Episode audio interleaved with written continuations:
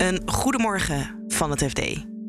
Ik ben Paulien Zuurster en het is maandag 16 mei.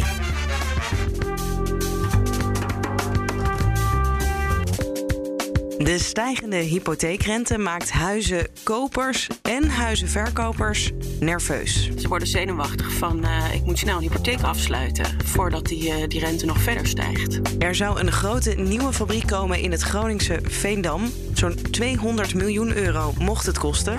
Maar het Amerikaanse bedrijf erachter wil eerst nog even garanties van de overheid. De voorwaarde was, we willen dus dat gelijke speelveld. En Shine zegt dat hebben we ook gekregen van minister, destijds minister Tamara van Ark. En later ook herbevestigd. Dus je zou denken, wat zeuren ze nu? En de uitrol van 5G wordt verder uitgesteld. Of dat erg is, dat ligt er een beetje aan wie het vraagt. Dit is de dagkoers van het FD.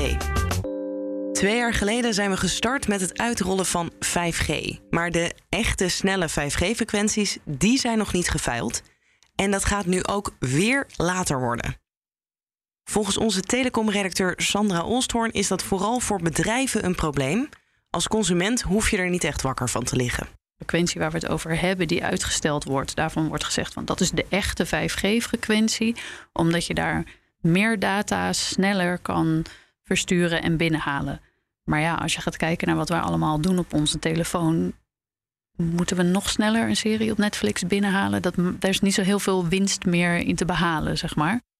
Dat is anders voor bedrijven. Um, als je uh, deskundigen gaat spreken, dan zeggen ze ook van 5G is eigenlijk ook wel ontworpen met uh, als doel om voor het bedrijfsleven nieuwe toepassingen mogelijk te maken. En dan heb je het dus bijvoorbeeld over automatisering van fabrieken uh, of uh, luchthavens of de haven, dat soort omgevingen waar uh, een netwerk dan, een telecomnetwerk helemaal op maat gemaakt kan worden. Want hoe werken die netwerken nu?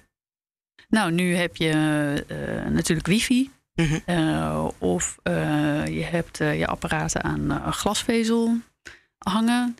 Of um, je hebt misschien een bedrijfsnetwerk wel op een bepaalde frequentie. Um, maar die frequentie die raak je kwijt omdat die nu bestemd is voor 5G, dus voor de providers. Wifi is niet zo snel als wat er beloofd wordt bij deze frequentie voor 5G. Ja.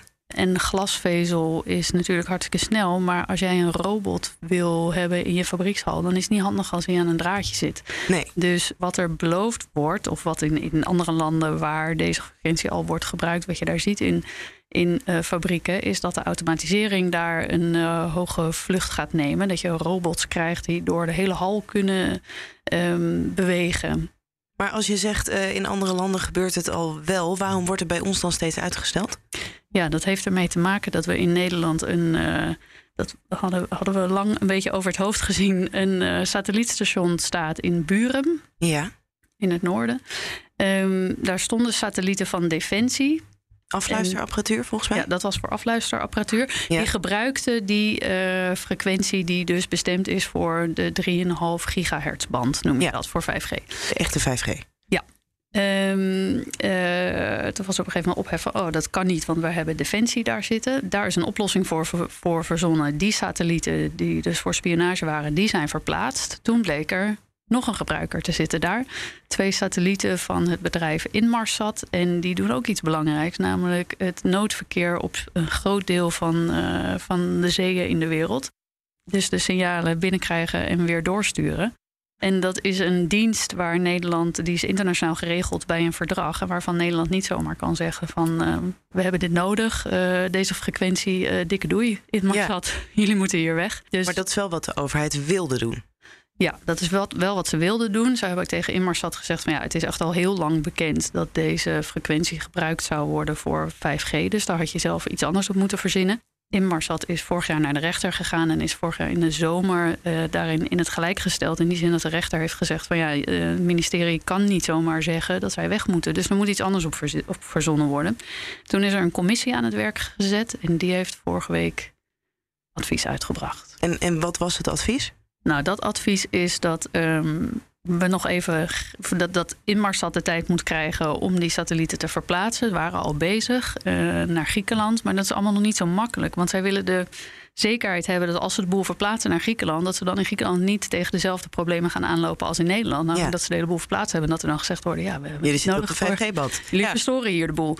Ehm, dus daar loopt een vergunningsaanvraag. En zolang dat nog niet zeker is, ja, moet Inmarsat hier kunnen blijven, heeft ook die, die eh, commissie gezegd. Ja. Maar in de tussentijd willen ze dan, stelt de commissie nu voor, we gaan in 2023 gaan we wel de frequentie veilen. Ja. Is er een hopelijk hele korte periode waarin zowel Inmarsat als de providers die ruimte gaan gebruiken naast elkaar. Dus ze gaan niet dezelfde frequenties gebruiken, maar een stukje wordt gereserveerd nog steeds voor Inmarsat en de rest is voor de providers. En ja, hopelijk gaan ze dan zo snel mogelijk naar Griekenland. Maar er zit nog wel een beetje een addertje onder het gras, want dat zou nog best wel een tijdje kunnen duren. ja. En dan is het wel geveld, maar dan kan je het nog niet gebruiken. Precies. Betekent dat we een, dacht 70% van de band wel kunnen gebruiken, maar ja, eh, een deel dus niet. En dan gaan we naar het Groningse Veendam. Daar zou een nieuwe grote fabriek moeten komen van het Amerikaanse bedrijf Shine. Een investering van 200 miljoen euro.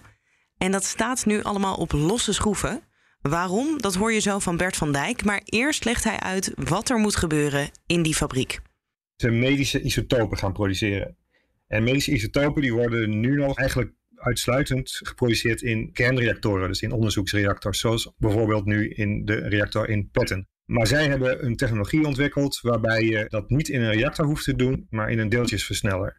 En dat heeft een aantal voordelen. Het levert minder radioactief afval op, het is veiliger en eh, het schijnt ook kosteneffectiever, dus goedkoper te zijn. En op basis van die technologie willen zij een fabriek dus gaan bouwen om die medische isotopen te gaan maken. Want daar is een groeiende vraag naar, omdat er, nou ja, je kunt daar diagnostiek mee doen, dus mensen helpen om kanker te ontdekken, maar in de toekomst ook medicijnen maken om kanker te behandelen. Dat is een groeiende markt. En jij eh, noemde net al even de reactor in Petten. Vat ik het een beetje goed samen als ik zeg dat ze bang zijn voor concurrentie van de vervanger van de reactor in Petten? Nou, ze zijn niet zozeer, denk ik, bang voor concurrentie van die vervanger, maar voor oneerlijke concurrentie. In de zin dat ze geen zin eh, hebben in een concurrent die volledig door de staat wordt gefinancierd. Dus met overheidsgeld gaat concurreren op een commerciële markt. En dan zij is natuurlijk Shine, maar eigenlijk zijn het denk ik de investeerders die nou ja, het geld moeten opbrengen uiteindelijk om die fabriek te gaan bouwen. En die willen wel iets van zekerheid hebben dat ze, dat het, dat ze gaan opereren op een commerciële markt. En niet worden weggeconcurreerd door een bedrijf dat met staatssteun opereert. Ja, want die vervangende reactor eh, in Petten, waarom krijgt die staatssteun? Die huidige reactor, dat is een hoge fluxreactor, is allemaal heel technisch, maar die staat in Petten en die, ja, die eh, is de grootste ter wereld eh, voor de productie van medische isotopen. Maar die is verouderd. Ja, daar moet er een nieuwe komen. En dat is al sinds 2003 wordt daarover, is daar misschien nog wel langer zelfs, eh, over nagedacht hoe dat zou moeten. En uiteindelijk is daar een plan voor gekomen. Dat zou dan een nieuwe reactor moeten worden. Alleen, het is nu 2022 en die, nou ja, er is nog, nog niks gebouwd. En het is nog steeds onduidelijk of die reactor er ooit gaat komen. Tot nu toe zijn er geen private investeerders geweest die dat willen financieren. Dat daar zijn ze wel naar op zoek geweest. Daar waren ze ook dichtbij. Maar die zijn uiteindelijk allemaal afgehaakt omdat de kosten van die bouw van die reactor steeds opliepen. Waardoor ze zijn afgehaakt. En de overheid zit er nu mee. Die denkt, nou ja, wat moeten we nu? Toch die reactor nog gaan bouwen, maar dan moet het met overheidsgeld gebeuren. Ja, en Shine zegt, ja, dat, dat willen we niet, want we hebben nu een veel mooiere technologie. Laten we dat dan gaan doen. Eén ding misschien om nog uit te leggen waarom ook het standpunt van de overheid wel enigszins te begrijpen is. Want ja, er is heel veel kennisinfrastructuur op het gebied van, radio, van kerntechnologie in Nederland. Dat wil Nederland natuurlijk graag behouden. En als dat op een andere manier gaat, ja, dan raak, zijn ze bang dat ze dat kwijtraken. En die technologie van Shine, dat is heel mooi, maar die is nog niet heel erg bewezen. Ze hebben dat in het laboratorium allemaal kunnen aantonen, maar wordt nog niet op grote schaal gebruikt. Maar de overheid heeft wel toegezegd aan Shine dat er geen staatssteun zou gaan naar die vervangende reactor in uh, Petten. Hoe zit dat dan? De voorwaarde was, we willen dus dat gelijke speelveld. En Shine zegt dat hebben we ook gekregen van minister, destijds minister Tamara van Ark. En later ook herbevestigd. Dus je zou denken, wat zeuren ze nu? uh, maar zij zegt, ja, we zijn sinds die toezegging zijn we natuurlijk in gesprek gegaan uh, met het ministerie. En zij zeggen, we zijn eigenlijk geen steek verder gekomen. Want het is alleen ja, een toezegging van de overheid die zegt zich aan de wet te zullen houden en een gelijk speelveld te zullen garanderen. Maar hoe ze dat gaan doen en uh, op welke manier, heel concreet, daarvan zegt Shine, dat krijgen we gewoon niet. En daar, dat vertrouwen ze niet.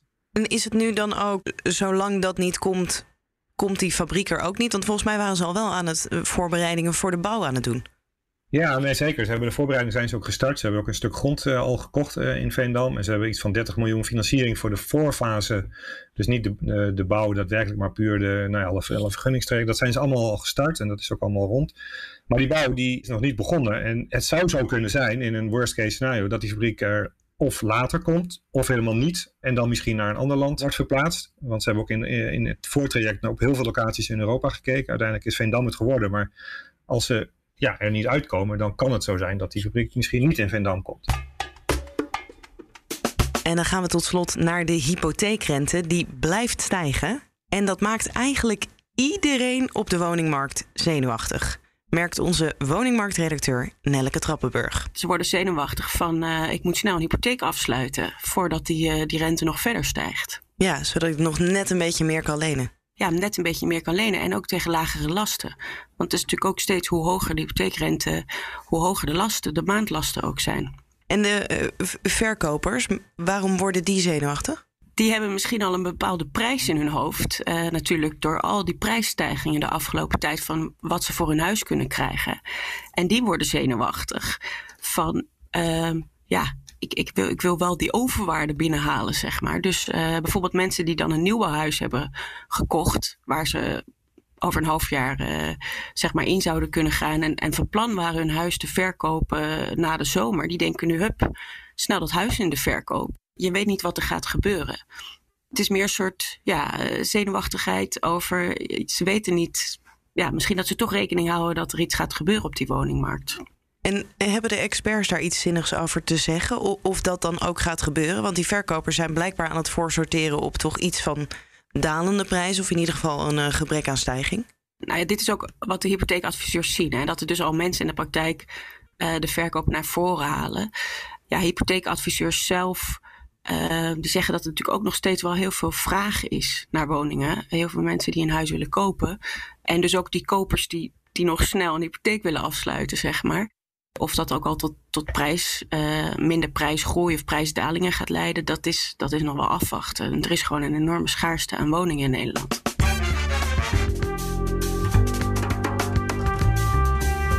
Dit was de dagkoers van het FD. Elke werkdag hebben we een nieuwe aflevering voor je. Als je ons opzoekt in je favoriete podcast-app en abonneert, dan krijg je die automatisch binnen. En in die podcast-app vind je ook de show notes met daarin de linkjes naar de verhalen waar je over hoorde. Voor nu een hele fijne dag en tot morgen.